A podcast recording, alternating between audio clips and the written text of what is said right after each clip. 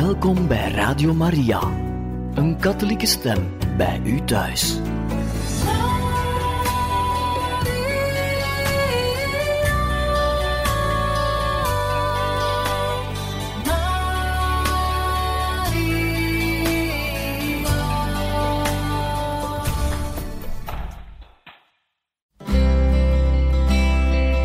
Welkom bij Boekat, een programma van Radio Maria.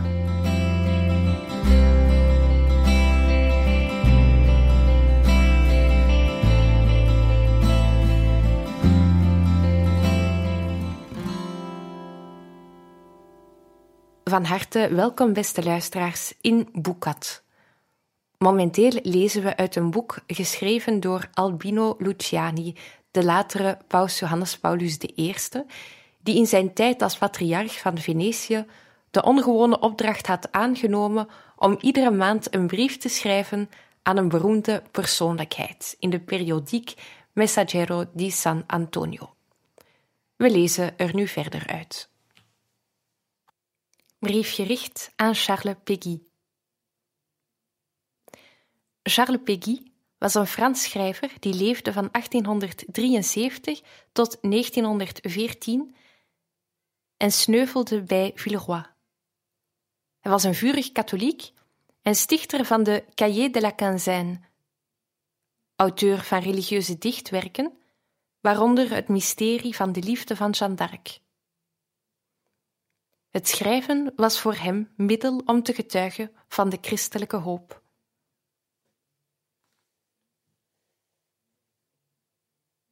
Waarde Peggy, je enthousiasme, je hartstocht om zielen wakker te schudden en te leiden, heb ik altijd gewaardeerd.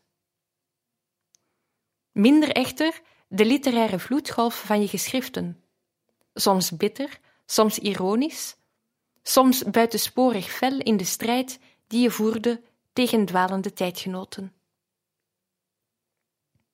In je religieuze geschriften staat een passage die, poëtisch, ik zeg niet theologisch gezien, erg gelukkig is, waar je God laat spreken over de hoop. Het geloof van de mensen, zegt God, daar sta ik niet van te kijken, want daar is niets verwonderlijks aan. Ik schitter zozeer in mijn schepping dat die arme mensen wel blind moesten zijn als ze mij niet zagen. De liefde van de mensen, zegt God, daar sta ik evenmin van te kijken, want ook daar is niets verwonderlijks aan. Die arme schepsels zijn zo ongelukkig dat ze, om elkaar niet te beminnen, wel een hart van steen moesten hebben. Maar de hoop, dat is nu iets waar ik echt van sta te kijken. Akkoord, beste Peggy, dat de hoop iets verwonderlijks is. Akkoord met Dante, dat de hoop een stellige verwachting is. Akkoord met wat de Bijbel zegt over hen die hopen. Abraham kon niet begrijpen waarom God hem bevel gaf zijn enige zoon te doden. Hij zegt niet in waar, als Isaac dood was, het talrijke nageslacht vandaan moest komen dat hem beloofd was. Toch bleef hij vast vertrouwen.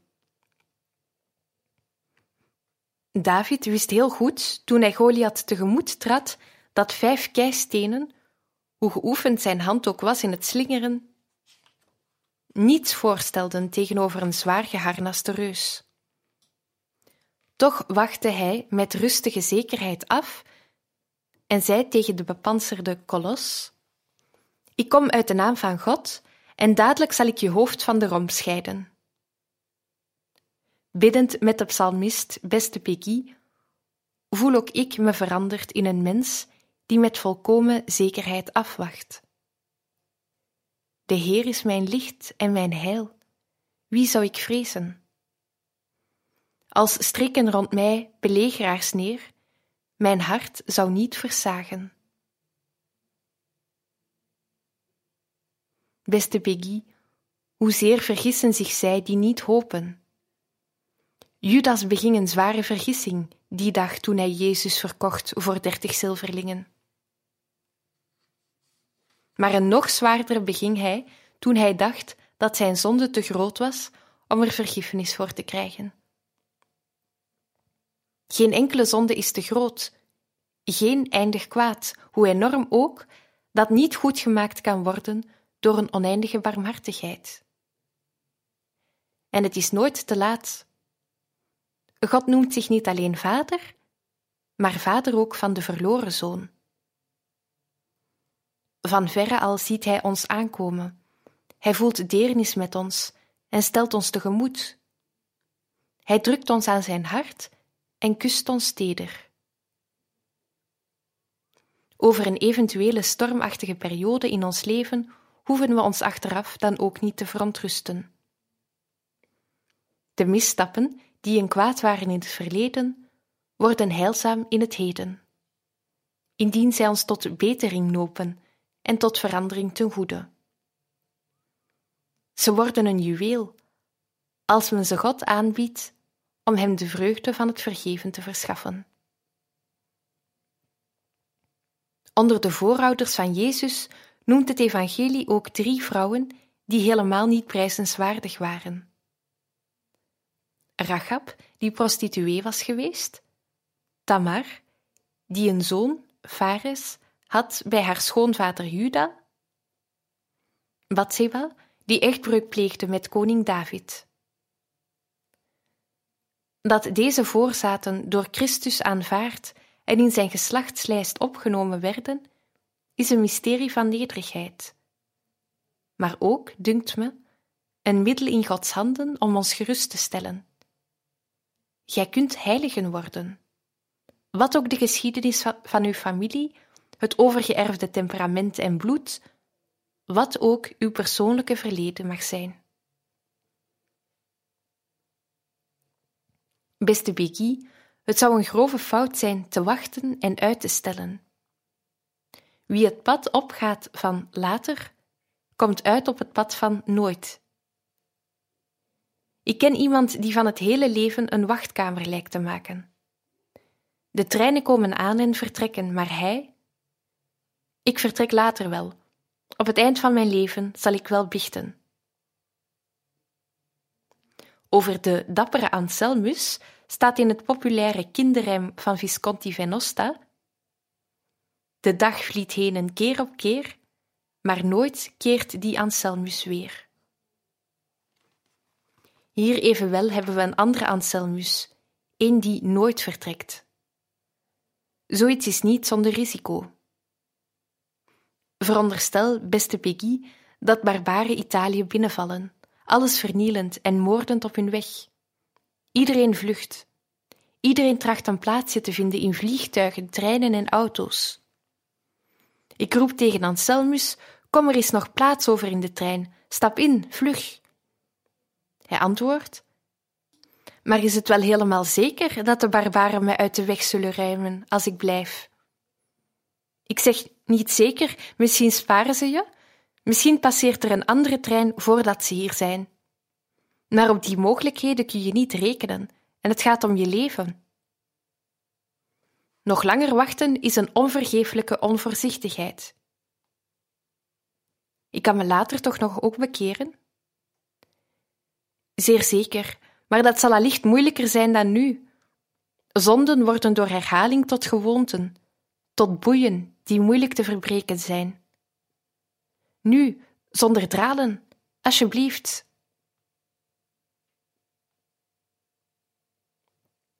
Je weet het, Peggy. Bij dat wachten rekent men op Gods goedheid, die zo duidelijk blijkt uit het gedrag van Christus, de vriend der zondaars, zoals hij in het Evangelie genoemd wordt. Hoe groot die vriendschap is, weten we. Als er een schaap verloren gelopen is, gaat de Heer zoeken tot hij het vindt. En als hij het gevonden heeft, legt hij het op zijn schouders, draagt het naar huis en zegt tegen iedereen: Zo zal er in de hemel meer vreugde zijn over één zondaar die zich bekeert, dan over 99 rechtvaardigen die geen bekering nodig hebben. De Samaritaanse vrouw, de overspelige vrouw, Zacchaeus, de goede moordenaar, de lammen en wij zelf. Allen worden we zo gezocht, gevonden en behandeld. En ook dat is iets verwonderlijks. Er is nog iets verwonderlijks. Het vast verwachten van het komend leven, zoals Dante zegt. Het is verbazingwekkend, deze vaste zekerheid naar die toekomstigheid en dus verre vaagheid. En toch, beste Peggy, dat is de situatie van ons, mensen die hopen. Het is met ons net als met Abraham, aan wie God een land van overvloed beloofd had. Hij gehoorzaamde en vertrok, zegt de Bijbel, zonder te weten waarheen. Maar toch vol vertrouwen en zich op God verlatend. Het is met ons zoals de evangelist Johannes zegt. Nu reeds zijn wij kinderen van God, en wat we zullen zijn is nog niet geopenbaard. Het is met ons zoals met de Napoleon in het gedicht van Manzoni. Betredend bloesemrijke paden van de hoop, al, al kennen we het land nog niet waarheen die paden leiden. Kennen we het dan toch niet op vage wijze? Of was het maar uitzinnige praat van Dante, toen hij het trachtte te beschrijven als licht, liefde en vreugde? Verstandelijk licht, omdat ons verstand dan volkomen duidelijk dat zal zien waarvan het hier op aarde nauwelijks een schim heeft opgevangen: God. Liefde tot het ware goed. Want het goede dat we hier op aarde beminnen, is steeds maar het ene of andere goed. Een druppeltje, een kruimeltje, een stukje goeds, terwijl God het goede zelf is. Vreugde die alle zoetheid te boven gaat. Want de vreugde van de hemel zijn niet te, vergelijken met die van de aarde. Hetzelfde zegt reeds Augustinus hij noemt God de altijd oude en altijd nieuwe schoonheid. Zo ook Manzoni, daarboven. Zwijgt en verduistert alle glorie die voorbij gaat. En Jesaja in zijn beroemde dialoog: Roep. Wat zal ik roepen? Roep, elke mens is als gras en heel zijn glorie is als een bloem in het veld. Het gras verdort, de bloem verwelkt. Beste Peggy, met die grote geesten zijn wij het eens. Sommigen zullen ons vervreemde en onpraktische dichters noemen. Wij antwoorden: Wij zijn de kinderen van de hoop. Zelfs God staat van ons te kijken. Augustus 1971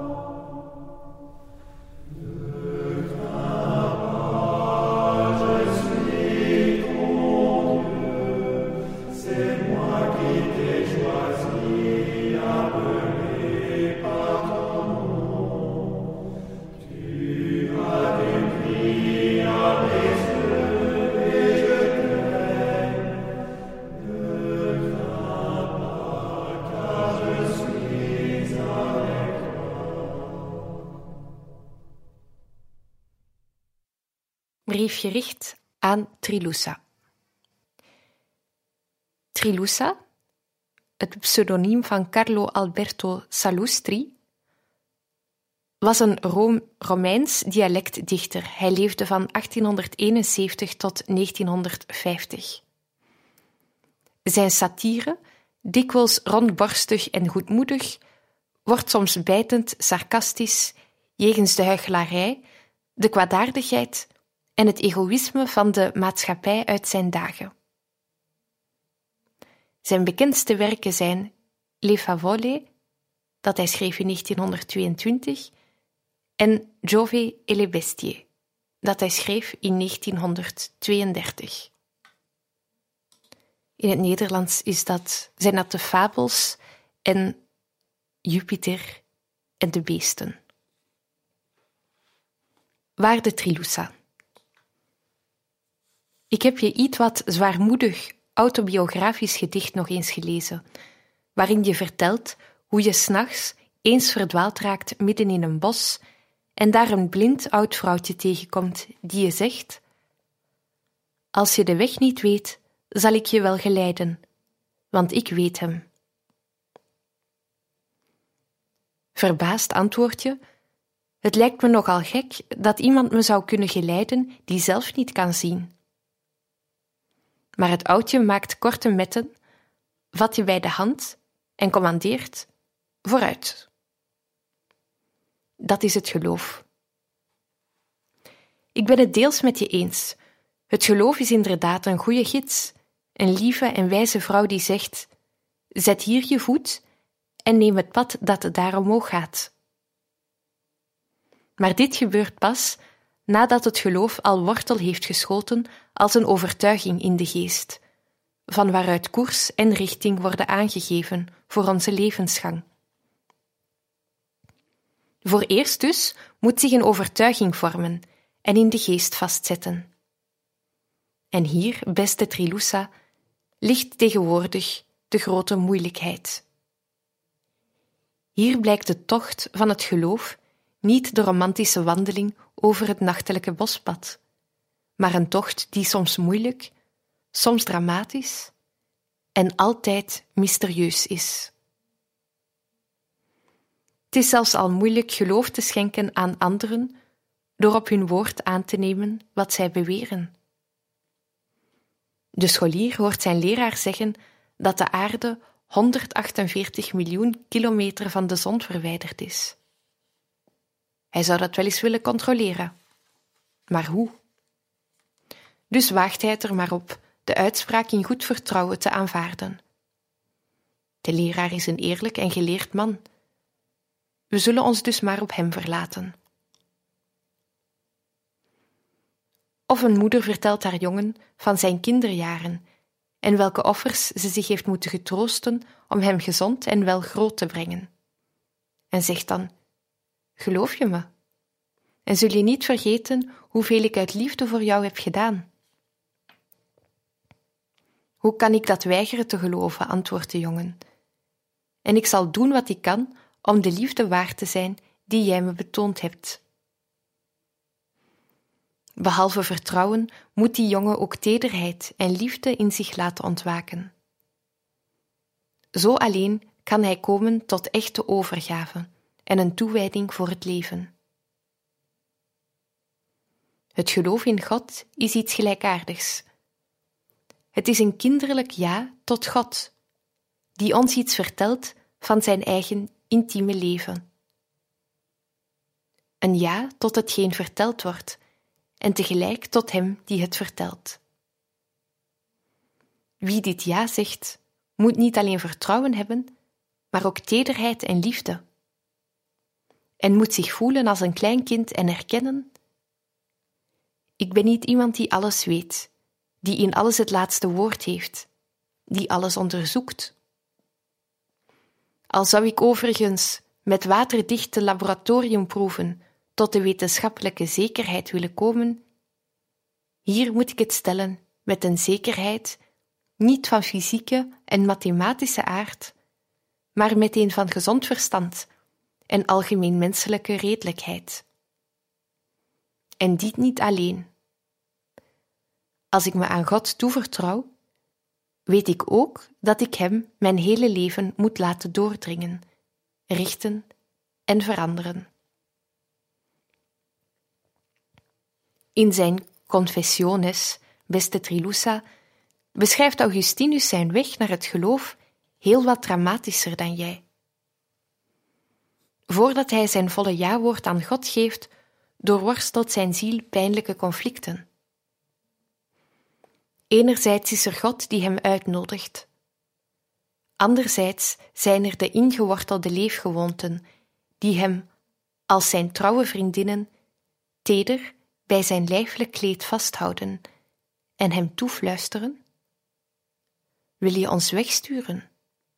Bedenk toch dat, vanaf het ogenblik dat wij je zullen verlaten hebben, je dit niet meer mag en dat evenmin, en wel voor altijd.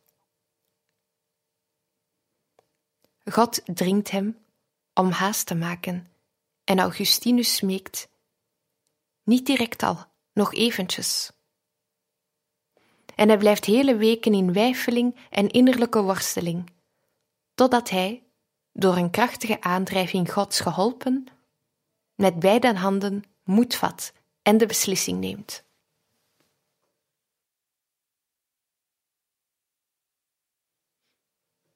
Zoals je ziet, Trilussa, speelt in het menselijk drama van het geloven een geheimvol element mee: de tussenkomst van God. Paulus van Tarsus heeft het ervaren op de weg naar Damascus en beschrijft het zo. Op die dag heeft de Heer mij gegrepen. Door uw genade ben ik die ik ben. Hier komen we bij de kern van het mysterie.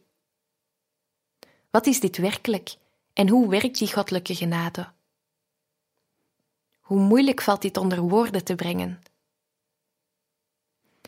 Stel je, Trilussa, de ongelovige eens voor als iemand die slaapt. God maakt hem wakker en zegt: Kom uit je bed. Of stel je hem voor als een zieke. God geeft hem de medicijn in handen en zegt: Neem dit in. Een feit is dat een ongelovige op een zeker ogenblik en zonder dat hij het erop aangelegd heeft, zich kan betrappen op gedachten over ziel en godsdienst. Vanaf dat ogenblik is hij potentieel ontvankelijk voor het geloof. Na deze goddelijke tussenkomst, zonder ons plaatsgrijpend, verricht God er nog meer, maar dan met ons dit wil zeggen met onze vrijwillige medewerking. De slapende wekken, dat deed hij alleen. Maar uit bed stappen, dat is onze taak, al hebben we daarbij nog verdere tussenkomst van hem nodig. Gods genade is wel een kracht, maar zij oefent geen geweld. Haar kracht is inderdaad geweldig, maar erop gericht de waarheid te doen beminnen en niet de vrijheid te overweldigen. Het kan dan ook gebeuren dat iemand, na gewekt te zijn en uitgenodigd om op te staan, en daartoe zelfs bij de arm gepakt, zich toch op zijn andere zijde keert en zegt: Laat me slapen. In het Evangelie komt men zulke gevallen tegen. Kom en volg mij, zegt Christus. En Levi staat van zijn bank in het tolhuis op en volgt hem. Maar een ander die uitgenodigd wordt, antwoordt: Sta me toe eerst mijn vader te gaan begraven. En laat zich niet meer zien. Er zijn er, zo merkt Christus met droefheid op, die de hand aan de ploeg slaan, maar dan omzien. Dit verklaart waarom er in het geloven zoveel schakeringen zijn. Van hem die het geloof nooit ontvangen heeft, of het in onvoldoende mate bezit, de lauwen en de zwakken in het geloof, tot degenen die een vurig geloof hebben, dat tot daden leidt. Maar het verklaart dit slechts tot zekere hoogte, beste Trilusa. Want waarom is het dat sommigen van ons niet geloven? Omdat God ons die genade niet geschonken heeft. Maar waarom gaf Hij ons die genade niet?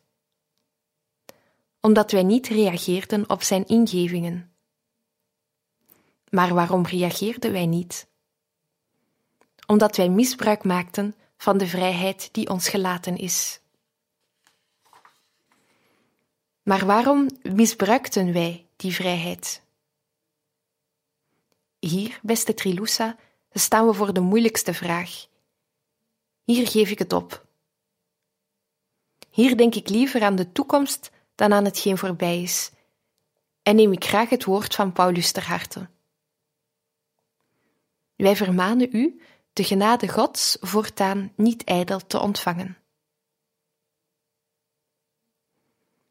Mijn beste Trilusa, Manzoni omschrijft in zijn roman De Verloofden de terugkeer van de Innominato tot het geloof als vreugdevol wonder en gastmaal van genade.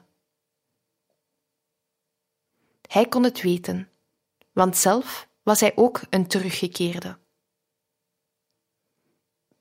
Het gaat hier om een feestmaal dat altijd gereed staat en waar iedereen een welkome gast is. Persoonlijk probeer ik steeds weer op die uitnodiging in te gaan en zo, telkens op de dag van heden, het geloofsleven weer overeind te laten helpen, dat er neer ligt onder de zonden van gisteren. Hopelijk willen alle christenen die, zoals ik, zichzelf nu weer eens goed, dan weer eens zondaars weten, met mij althans steeds goede genodigden zijn.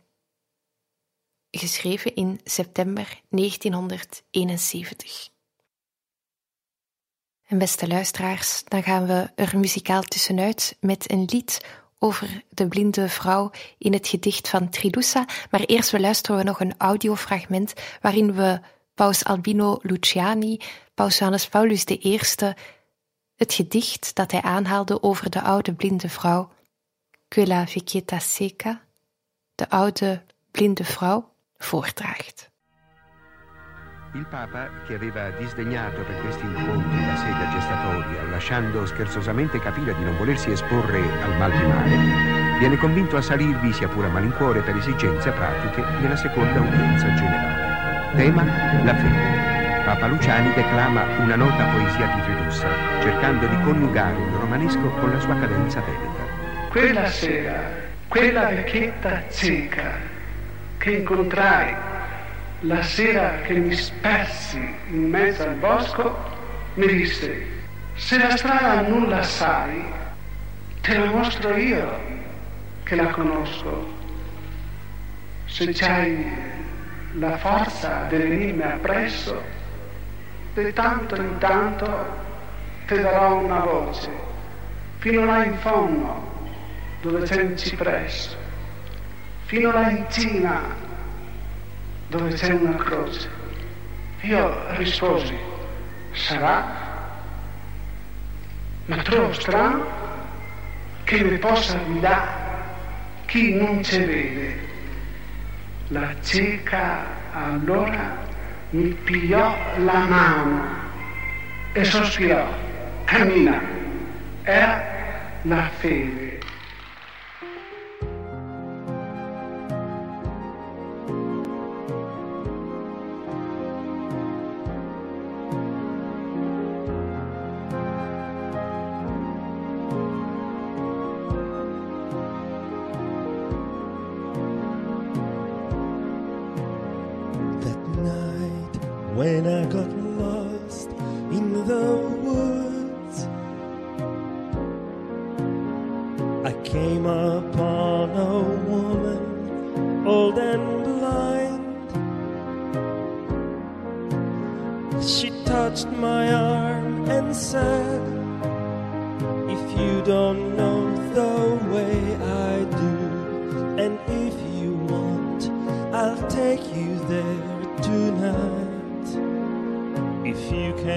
find the strength to follow me. I'll call back as I go to you, my friend. We'll make it all the way where that old cypress creaks and sways up to the top where stands the wooden cross.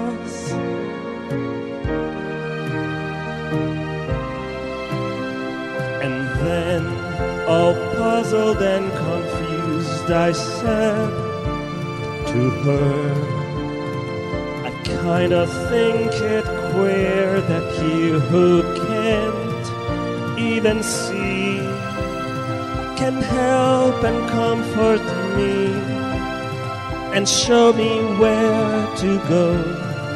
Cause it would be as if the blind could lead the lost.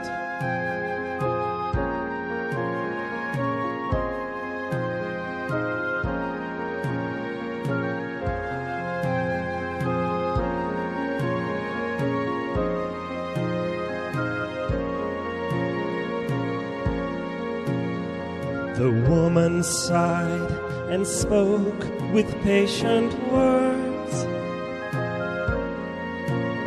She took my hand and simply said, Let's go. I never will forget her hand so rough and so secure, her voice so calm. She said her name was Faith.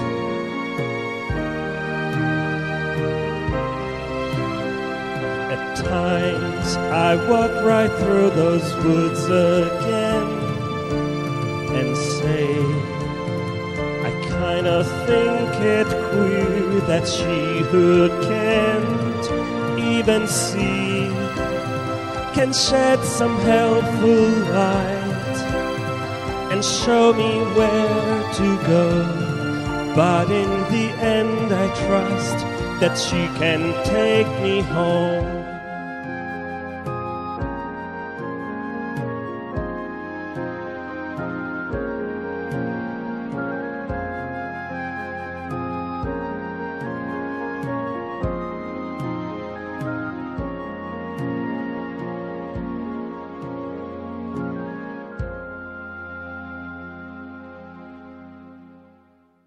En tot zover, beste luisteraars, de brieven aan beroemde mensen voor vandaag. Geschreven door Albino Luciani, de latere paus Johannes Paulus I. Radio Maria wenst u nog een mooie dag toe en veel luisterplezier.